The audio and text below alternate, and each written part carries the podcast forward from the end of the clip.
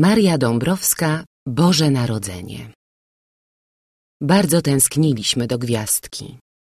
Dnie były coraz krótsze, a pogoda wilgotna i ciepła.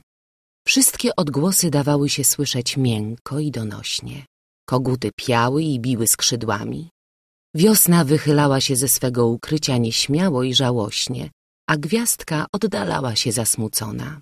A potem przychodził mróz i słychać było, że ona znów nadchodzi, tupiąc i dudniąc po zmarzłej ziemi. Padał śnieg i miękką ścielił jej drogę. Rano widać było śród bledniejących mroków, jak drogą za stawem długim rzędem idą ludzie na roraty.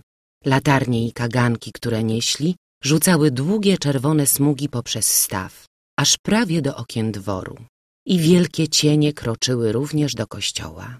Wieczorem, zanim okiennice zamknięto, dzieci przybliżały się niezupełnie pewnym krokiem do okien i patrzyły, jak tam za nimi śni noc prześliczna, obojętna, wyraźna, jak na blodozłotym śniegu leżą granatowe cienie drzew i gałęzi, jak wysoko między białymi konarami wiszą drżące gwiazdy, a na największej wysokości niedosiężny płynie złotosrebrzysty księżyc. Nareszcie zamykano okiennice. Wtedy dzieci zasiadały przy wielkim stole i zaczynały się roboty na choinkę. Klajstrem z żytniej mąki kleił się pasek do paska. Żółty z fioletowym, czerwony z granatowym, zielony z szafirowym, srebrny ze złotym. Długie, szeleszczące łańcuchy zarzucaliśmy sobie na szyję i siedzieliśmy dumni przy stole niby królowie dzikich plemion. Opłatki zjawiały się w pierwszej połowie grudnia. Przynosił je organista, którego poznawali wszyscy, ledwo się tylko ukazał w kasztanowej alei ze swym ogromnym koszem i ze swym kijem sękatym. Idą opłatki, dzieci! Niech będzie pochwalony Jezus Chrystus! Mówił organista, wchodząc prosto do jadalnego pokoju. Wiało od niego śniegiem i mrozem, a od jego słów pachniało kolendą, choinką, wigilią. Na stole rozkładał opłatki. Najpierw była gruba paczka dla rodziców, a złoty pasek papieru wyciskanego w gwiazdki przewiązywał ją na krzyż. Na skrzyżowaniu jaśniała wielka gwiazda złocista, siedmioramienna. Środek był z żelatyny, pod którą widniała betlejemska stajenka ustawiona z papierowych figurek. A po wszystkich rogach miała ta paczka złote gwiazdki i aniołki, podparte jedną rączką na obłoku. Potem wydobywał pięć paczek dla dzieci. Były to małe opłatki na specjalnej formie robione. Wierzchni opłatek ozdobiony był także gwiazdkami i aniołkami, ale nie taki już paradny. Wreszcie była paczka dla służby, ale obowiązkowo musiały być we wszystkich paczkach opłatki kolorowe, żółte, niebieskie i czerwone, na światy i gwiazdy choinkowe. Opłatków było tyle, żeśmy je potem długo jedli jak łakocie, przypalając nad lampą. Dzieci przepadały za przypalanymi opłatkami, ale też nie mniej zabierał organista do swego kosza jajek, słoniny, sera, kiełbasy, chleba. Uginał się pod ciężarem, gdy odchodził z powrotem. Niedługo potem przyjeżdżał ksiądz proboszcz po kolędzie. O, to już gwiazdka była blisko. Ksiądz Augustyn był stary i zgarbiony. Sutanna jego zdawała się być jeszcze starsza i na plecach świeciła jak zwierciadło a kolor miała całkowicie zrudziały, także czerwieniła się pod światło. Ksiądz proboszcz zasiadał w salonie na starej kanapie i stukał w tabakierkę z czarnej laki, a potem niuchał długim czerwonym nosem o przepaścistych nozdrzach. Dzieciom, które chrzcił wszystkie, przywoził ksiądz co roku stale i nieodmiennie paczkę całusków. Siedział długo i do późnego wieczora opowiadał o diabłach i czarownicach. Opowiadał rzeczy tak straszne, że dzieci potem bały się spać. Niebawem przyjeżdżał jeszcze ksiądz Eugeniusz, kwestarz od reformatów z miasta.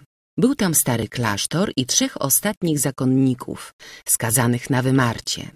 Ksiądz Eugeniusz był to tęgi, czerwony człek, mówił głośno i nigdy nikogo nie zasmucił swoimi gawędami. Gdy przyjeżdżał, Wino pokazywało się na stole, a opowiadania jego były weselsze niż opowiadania księdza proboszcza. Każdemu umiał coś miłego powiedzieć. Rady jego, proste i pełne czarującej trafności, wszystkim dopomagały. Odjeżdżał niepróżną bryczką, a wtedy gwiazdka nadchodziła już szybkimi krokami. Któregoś dnia rodzice jechali do miasta po zakupy. Gdy wyjeżdżali oboje, dom stawał się zaraz duży. Nie można było dojrzeć końca pokojów. Kuchnia i stacja służby wydawały się o sto mil odległe. Wracali o zmroku i z głębi ciemnej nocy, jeszcze zanim się z karety wydobyli, szły do jadalnego pokoju bez końca paczki, paczki i paczki. Wszystko to znikało w wielkim kredensie i w szafie jesionowej, a wreszcie ukazywała się matka i wołała przez wszystkie pokoje. Zimno, zimno! Wnętrze domu stawało się znowu malutkie i ciepłe. Na dwa dni przed wilią posyłano do boru po choinkę. Czasem był już zmrok, a choinka nie przybywała jeszcze. Dzieci smuciły się wtedy i przeczuwały tysiące nieszczęść. Przychodził ojciec, zasiadał z dziećmi o szarej godzinie i pocieszał je. Już wyszedł stary Józef z nieba, a tu śnieg po kolana. Idzie, idzie starowina powoli. Dzieciom serca biły jak dzwony, ale wnet dudniło coś za oknem. To choinka jechała z lasu i w aksamicie nocy słychać było przed domem donośne głosy, gdy ją ściągano z wozu. Nazajutrz rano wnoszono choinkę do jadalnego pokoju. Przynosiła ze sobą zapach lasu i zimy. Stała mroźna, ciemna i zamyślona, wysoka, od podłogi do sufitu. Dzieci chodzą koło niej i raz po raz dotykają ostrych, zmarzniętych igieł. Wieczorem po kolacji matka otwiera kredens, wstrzymujemy oddech. Macie tu figi, pierniki, cukierków chyba starczy, a orzechy się zaraz przyniesie. A tu marcepanowe owoce. Dzieci, nie zjadać! Matka wysypuje na tacę część kredensowych skarbów. Marcepanowych owoców jest tylko funt i nie wolno nikomu zjeść ani po jednej sztuce, aż póki przynajmniej dwa dni na choince nie powiszą. Przynieście mi koszyczek, woła matka. I dzieci lecą po koszyczek. Zabierają go razem z włóczkową podstawką pod lampę i z matki szydełkową robotą. Matka rozdzieliła między dzieci kolorową włóczkę. Zaczyna się robota. Do każdej sztuki przywiązać trzeba kawałek włóczki i zrobić pętelkę, żeby można było na choince powiesić. A teraz ojciec idzie na górę po jabłka i orzechy. Słychać go długo, jak chodzi tam i myszkuje, a nam serca się tłuką, gdy myślimy o ciemnych i zimnych czeluściach poddasza, o jego nieprzebrodzonych wertepach. Potem ojciec sam lakiem klei złocone orzechy, po dwa, po trzy, po cztery i wiąże jabłka. Późno wieczorem matka odnosiła tacę ze słodyczami do salonu i przykrywała je serwetką. Dzieci drżały wewnętrznie od przeczuć. Cieszyły się straszliwie i bały się, że się coś stanie, a nuż jutrzejszy dzień okaże się nie gwiazdką. Był jednak gwiazdką. Jeszcze za oknem stała noc ciemna, śnieżna, gdy dzieci już zrywały się ze snu. Otwierały okiennice i noc patrzyła w ciche nagrzane wnętrze domu, po którym snuły się i pełzały rubinowe blaski od zapalonych w piecu i na kominku ogni. Przez okno z salonu widać było gwiazdę zaranną, jak brylantową lilię z czarnych niebios kwitnącą. Lampa, wisząca w jadalnym pokoju, kołysała się z lekka, a gdy kto przechodził, dźwięczały cieniutko wszystkie czarki, kieliszki i szklanki, wystawione odświętnie na kredens, jakby i one dygotały ze wzruszenia razem z dziećmi. Za oknem noc bledniała, topiła się w pomarańczowych i fiołkowych mgłach i ogród wyłaniał się z cieniów, stojący sztywno w swych jasno-błękitnych śniegach, nieśmiały i uroczysty. Gdy rozwidniło się zupełnie, a wszystkie lampy pogasły, przyjeżdżały siostry cioteczne ze swym ojcem. Wyciągały z pudełek z botolice cacka na choinkę. To było hasło. Choinkę wnoszono do salonu, a jeszcze zanim ją postawiono, trzeba było umieścić na szczycie srebrzystą gwiazdę i anioła dmącego w puzon. Potem zawieszało się jabłka, pod którymi zwolna i leniwie gieły się gałęzie choinki. A gdy choinka była już ubrana i omotana w złote i srebrne nici, od ciepła w pokoju zaczynały wirować wielobarwne świecidła, pachnieć pierniki i figi. Ach, figi!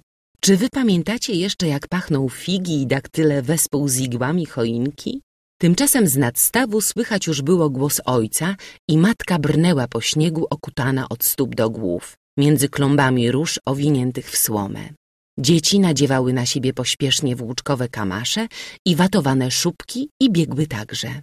Na stawie ludzie wlekli pod lodem sieć, krzycząc i nurzając ręce w przeręblach. Wszystkim przywodził stelmach. W ogóle nie było ważniejszej czynności we dworze, do której by nie używano stelmacha.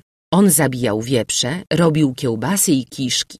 Pilnował ważnych robót, jeździł za interesami, kierował połowem ryb, malował podłogi i tapetował ściany we dworze, kiedy zaszła potrzeba. Gdy wszystko nad stawem ucichło, a ryby klaszczące po wodzie cebra zaniesiono do kuchni, ojciec szedł ze strzelbą na polowanie, żeby mieć szczęście cały rok. Dzieci biegły jeszcze na łąkę, w podwórze, do ogrodu zobaczyć, jak jest wszędzie, kiedy przychodzi gwiazdka. Zbiegały się wszystkie psy i tańczyły przed dziećmi. Kury chodziły ostrożnie w śniegu, wysoko podnosząc nogi. Indyki, jęcząc, pochylone nieco w bok, wyciągnąwszy głowy, uciekały wielkimi, niezgrabnymi susami. Wróciwszy do domu, dzieci stawały przed choinką zadziwione i nieśmiałe. Tak była cała iskrząca i uroczyście piękna. Na drugie śniadanie dawano śledzie, a potem zaczynało się popołudnie długie bez końca. Dzieci chodziły z kąta w kąt, siadały przy oknach niespokojne, ciche i rozmarzone. Zmrok nadchodził tak powoli. Zdawał się już być blisko i cofał się znowu. Dzieciom ćmiło się w oczach wytężonych. Zamykały je i liczyły do stu, do dwustu i myślały, że gdy je otworzą, będzie już ciemniej. Było jaśniej. Matka wciąż wychodziła do kuchni. Ojciec siedział nieruchomo i milcząco w salonie. Zdawał się nie widzieć domu i dzieci. Myśli jego odlatywały daleko do dawnych lat, kiedy dwie gwiazdki z rzędu spędzał w powstaniu i do lat jeszcze dawniejszych, szkolnych. Nareszcie ojciec mówił, widzę już gwiazdę, a jeśli było pochmurno, mówił, muszą już być gwiazdy na niebie. I wstawał. W ten czas cicho i niespodziewanie zamykały się drzwi do salonu. Teraz nadchodził święty Józef. Jego dzieci nie mogły widzieć. Siedziały w pokoju coraz to ciemniejszym, zestrachane i pełne lubych oczekiwań. Drzwi otwierały się wreszcie, salon jaśniał, pachniał i krążył przed naszymi oczyma. Szelest anielskich skrzydeł snuł się po całym domu, a choinka gorzała, tak jak goreje niebo gwiaździste. Oczy mrużyły się, a serce topniało. Dzieci wchodziły nieśmiało, zupełnie oszołomione. Rodzice tak samo onieśmieleni przyciągali je za ręce i całowali. Okiennice były otwarte i we wszystkich oknach jaśniały czarodziejskiej choinki.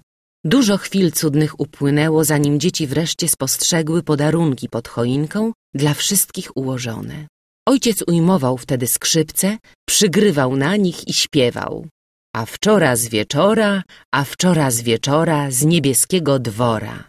A gdy zaintonował pieśń Bóg się rodzi, moc truchleje, dzieci wszystkie razem wybuchały nagle śpiewem, jak płaczem. W drzwiach od jadalnego pokoju stała już cała służba, a także każdy, kto o tej porze do kuchni przyszedł. Wobec tego ojciec kładł skrzypce, brał talerz, na którym leżały opłatki i wszyscy szli do kuchni. Na wielkim stole były porozstawiane miski, a na nich piętrzyły się jabłka, orzechy i pierniki. Musiała być porcja dla każdego, i z dworskiej kuchni, i z czeladniej. Wszyscy się cisnęli, żeby się przełamać opłatkiem. Potem dostawali ogromny kielich wódki, a ojciec do nich przepijał. Przychodzili też włodarze, stelmach, ogrodnik, ale ci tylko opłatkiem się łamali i życzenia składali. Nagle wszystkie dziewuchy, jakie były w kuchni, zaczynały wrzeszczeć, jakby je kto ze skóry obdzierał, a w oknach pokazywały się pyzate czerwone gęby. Nie były one straszne, kiedy wisiały jako maski na straganach w miasteczku, ale teraz, gdy się ruszały okropnie i wykrzywiały za oknem, mogły się niejednemu włosy zjeżyć na głowie. Dzieci uciekały co sił do pokoju. Po chwili jednak wracały znowu i z jedną nogą na progu patrzyły, jak wchodził do kuchni gwiazdor z wielką siwą brodą i pytał dzieci kucharki o pacierz. Później myśmy się z rodzicami dzielili opłatkiem i nareszcie zasiadaliśmy do wieczerzy, podczas której matka drżała, aby dzieci nie udławiły się ością, a dzieci jadły ryby ze strachem i zdawało im się czasem, że się dławią. Wtedy ojciec kazał im jeść dużo kartofli i były zachwycone. Do wieczerzy dzieci dostawały słodkiego muszkatołowego wina i prosiły o jeszcze. W końcu zjawiały się bakalie. Sen całego roku. Słodycz daktyli pachnąca i ostra słodycz fig. Aromatycznie szczypiące rodzynki. Zimne marmolatki. Wonne korzenne pierniki, a na końcu orzechy. Duże włoskie orzechy jedliśmy z miodem, a małymi laskowymi graliśmy z ojcem w cento i licho. Po wieczerzy jeszcze raz zapalono świeczki. Słodka nuda ogarniała wszystkich, jak zawsze po nasyceniu się wielkim szczęściem. Półśniąc nad naszymi zabawkami, słyszeliśmy jak we mgle z obszarów nocy i mrozu płynie kolenda. Gdy się Chrystus rodzi i na świat przychodzi, ciemna noc w jasnościach promienistych brodzi. W blaskach tej nocy zaczynała tańczyć czerwona gwiazda i chłopcy wszczynali pieśń o sianie. Wynić ty, książę, z złotego pokoja, niech go okryje sianem ręka twoja. O siano, siano, o nieprzepłacone, godne, byś w raju było pokoszone. Czytała Joanna Domańska